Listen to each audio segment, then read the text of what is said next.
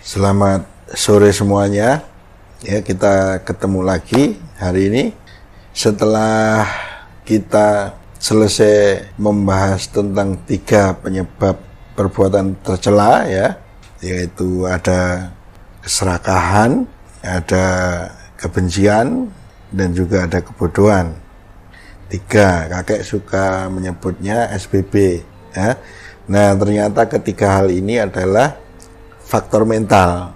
Ya, sekarang kita akan membahas satu kali lagi tentang faktor mental ini, yaitu perasaan. Ya, jadi kalau kemarin ada SBB tiga hal itu, nah sebelum SBB ternyata ada yang mengawalinya ya yaitu perasaan. Nah, jadi perasaan adalah faktor mental yang pertama kali merasakan objek ya. Jadi kita semua ya, semua manusia memiliki apa yang disebut panca indera ya yang paling sering itu kita pahami panca indera, lima indera. Kemudian nanti kita akan tambah satu lagi pikiran sebagai indera juga, tapi yang paling gampang dulu ya.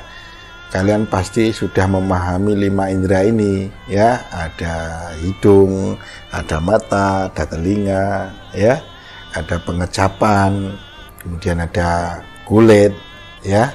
Jadi kelima indera ini ya yang gampang-gampang dulu kelima indera ini dialah yang menabrak objek atau ketemu objek ya.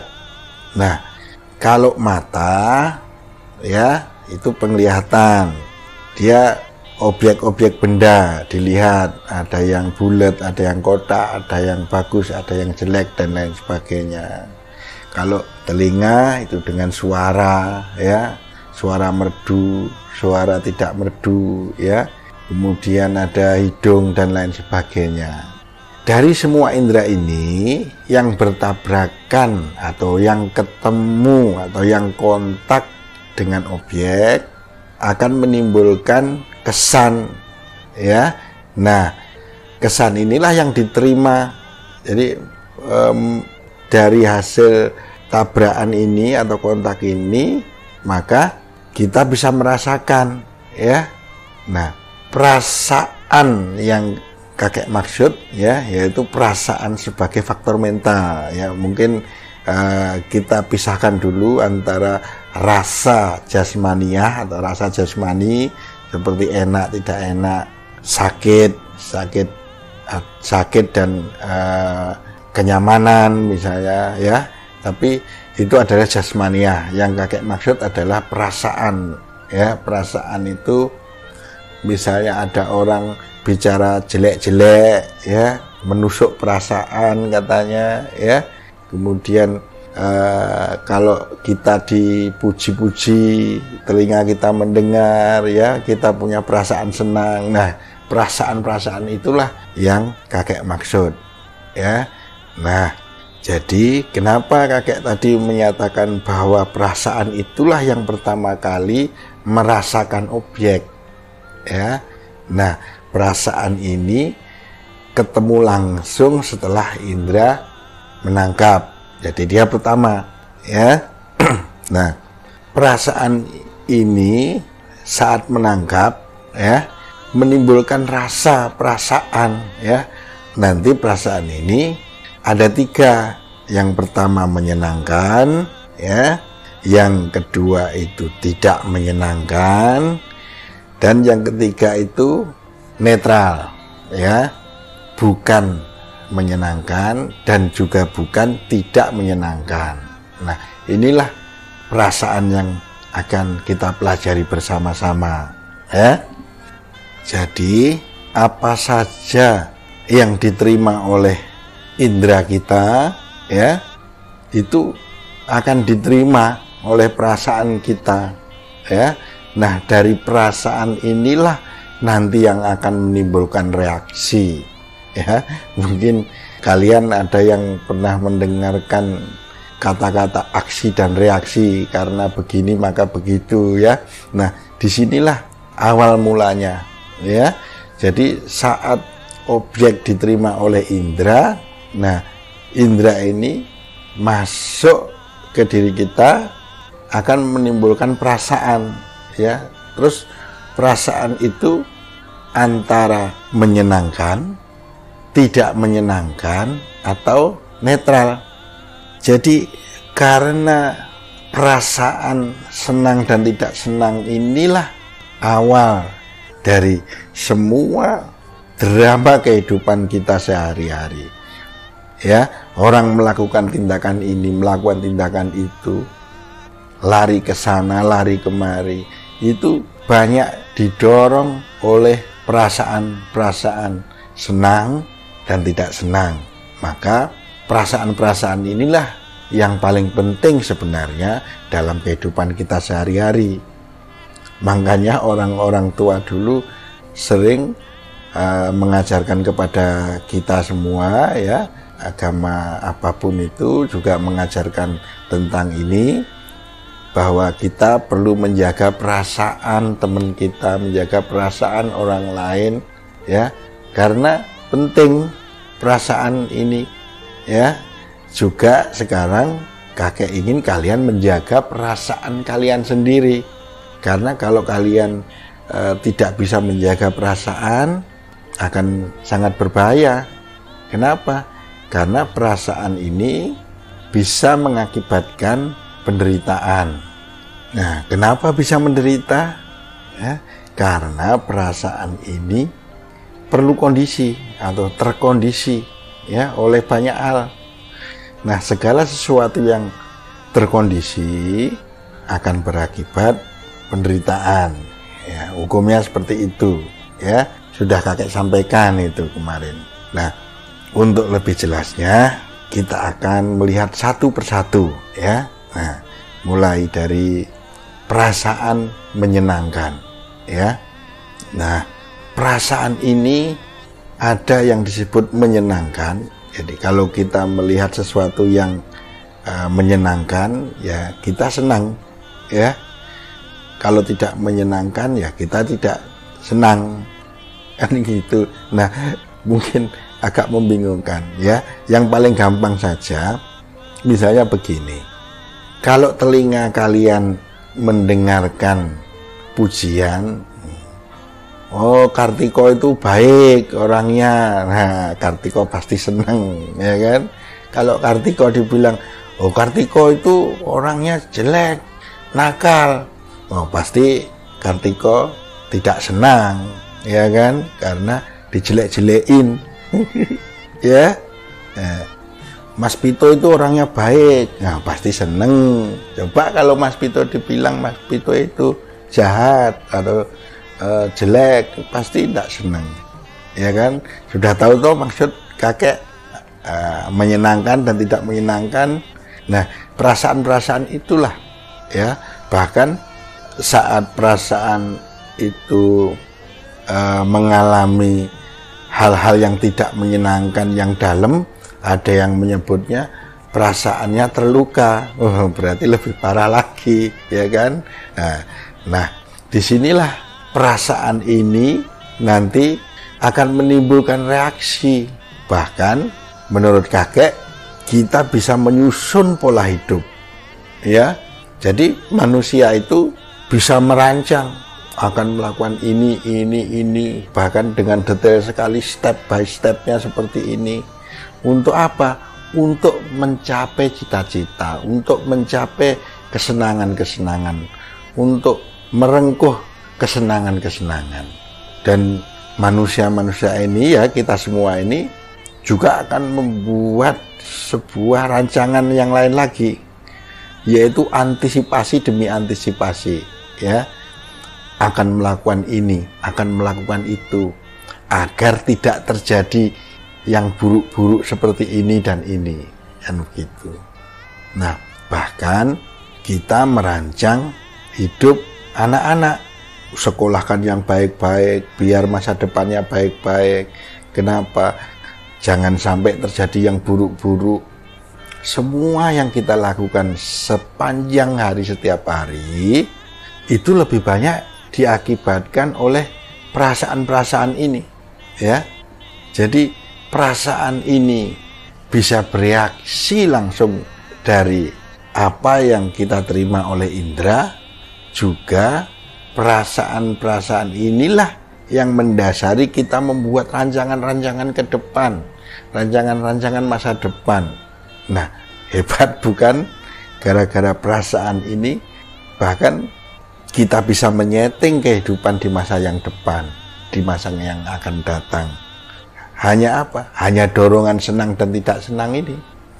Nah, mungkin kalian akan bertanya, terus bukankah itu yang benar? Iya, memang itu yang benar. Cuman harus hati-hati karena bisa menyakitkan.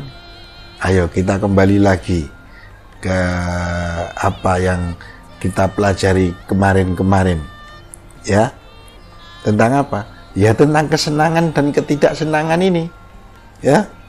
Jadi kalau kita uh, sudah tahu bahwa perasaan itu ada perasaan menyenangkan perasaan tidak menyenangkan kemudian ada perasaan netral mungkin karena hidup kita itu kita curahkan untuk menolak apa saja yang tidak menyenangkan dan mencari menggenggam apa saja yang menyenangkan, maka mungkin yang perlu diwaspadai itu adalah yang sisi menyenangkan. Kenapa?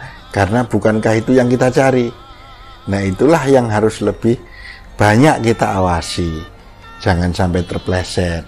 Karena kalau apa yang tidak menyenangkan, ya, kemarin sudah kita bahas, ya, bahwa apa saja yang tidak menyenangkan bisa menyeret kita menggelinding menjadi apa? Kebencian ya. Kemudian dendam dan lain sebagainya. Nah kita akan lebih fokus lagi kepada yang menyenangkan ya. Kenapa kita harus berhati-hati dengan apa saja yang menyenangkan ini? Bukankah yang menyenangkan itu membuat kita senang. Nah, karena sifatnya yang menyenangkan itulah sering kali membuat kita lupa, ya. Jadi kalau keserakan ini menjadi fokus yang akan kita kejar secara terus-menerus, tentu saja kita akan lupa. Terus kalau lupa, seperti apa? Ya kita bisa diseret ke keserakahan tadi yang kemarin pernah kita bahas ya. Nah kesenangan-kesenangan inilah yang tidak kita awasi akan membuat kita menderita akan bikin kita susah. Kenapa? Ya kita kembali lagi. Karena semua itu terkondisi sesuatu yang menyenangkan itu. Ya. Nanti kalau sudah terbiasa Mas Pito, Mas Kartiko dipuji-puji orang saat tidak dipuji, oh rasanya sedih misalnya. Apalagi kalau dicela, ya kan? Seperti itu. Nah, misalnya kalian ingin mendapatkan sesuatu, dapatlah sesuatu yang menyenangkan. Ya. Kalau yang menyenangkan ini nanti hilang, lepas, diambil, rusak dan lain sebagainya, kan sedih juga. Nah, saat kesenangan itu tidak menggebu-gebu, ya, kakek tidak melarang kesenangan-kesenangan ini, tidak. Hanya saja jangan sampai kesenangan itu menggebu-gebu, karena kalau kesenangan itu menggebu-gebu, sakitnya juga lebih parah, lebih sakit. Ya, itulah kesenangan atau perasaan yang menyenangkan maupun yang tidak menyenangkan. Nah, perasaan netral sekarang yang ketiga. Perasaan netral itu ya, mungkin kalian akan sulit memahaminya ya. Mungkin yang paling gampang yang walaupun kurang benar tapi yang paling gampang kalian pahami adalah sesuatu yang tidak ada sangkut pautnya. Ya. Jadi netral saja. Netral itu tidak terlalu banyak reaksi, ya. Misalnya kalian sedang jalan-jalan kemudian ketemu rombongan orang di penguburan. Jadi kalian tidak ada perasaan senang atau uh, sedih ya karena tidak kenal sama orang yang meninggal ya kan netral jadinya nah intinya saat kalian menangkap objek atau ketemu objek yang tidak ada sangkut pautnya dengan diri kalian maka netral ya nah itulah perasaan netral yang ngakek maksud nah tapi itu yang umum yang bisa kalian pahami. Nah, yang dimaksud perasaan netral yang sebenarnya adalah orang-orang yang sudah dewasa, ya. Orang-orang dewasa itu biasanya yang sudah tua-tua. Nah, dia itu ya flat gitu loh. Jadi hmm, kalau di, diberi hadiah ya dia seneng tapi sekedarnya tidak melompat-lompat misalnya kayak anak-anak ya kan misalnya dia tertimpa suatu masalah dia juga tidak menangis ya perasaannya lebih terkendali. Itulah orang-orang dewasa. Jadi perasaan ini mungkin jarang kalian temui ya. Nah inilah yang kakek maksud perasaan-perasaan netral yaitu perasaan-perasaan orang dewasa, orang yang sudah dewasa. Nah, misalnya begini, saat bapak-bapak itu sudah dewasa, dia menerima laporan dari anak-anak yang masih kecil, dia memenangkan misalnya permainan peta umpet atau apa. Ya, paling bapak hanya manggut-manggut. Oh ya, ya, ya, ya Nah, kegirangan yang dialami anak-anak ini berbeda dengan kegirangan bapak ini. Itulah yang kakek maksud netral. Jadi dia tidak tidak melompat-lompat, ya. Misalnya si anak yang menang perlombaan 17-an ya, juara kelas dan lain sebagainya. Itu uh, merasa hebat, bangga dan lain sebagainya. Tapi seorang kakek yang yang melihatnya uh, sebagai sesuatu yang biasa ya dia senang melihat cucunya uh, mendapatkan uh, prestasi tapi kesenangan itu sebagai kesenangan yang biasa tidak yang menggebu-gebu kira-kira seperti itu. Nah inilah perasaan-perasaan yang dimiliki oleh kita semua ya ada tiga menyenangkan tidak menyenangkan netral. Dari perasaan inilah ada dua yang perlu diawas-awasi ya yaitu yang menyenangkan maupun yang tidak menyenangkan ya karena perasaan yang menyenangkan bisa menyeret kalian pada keserakahan dan Perasaan yang tidak menyenangkan bisa menyeret kalian pada kebencian. Ya, jadi nyambung sama yang kemarin, ya. Nah, untuk bahasan perasaan cukup sampai di sini. Kita akan lanjutkan lagi diskusi ya, biar lebih mantap. Terima kasih.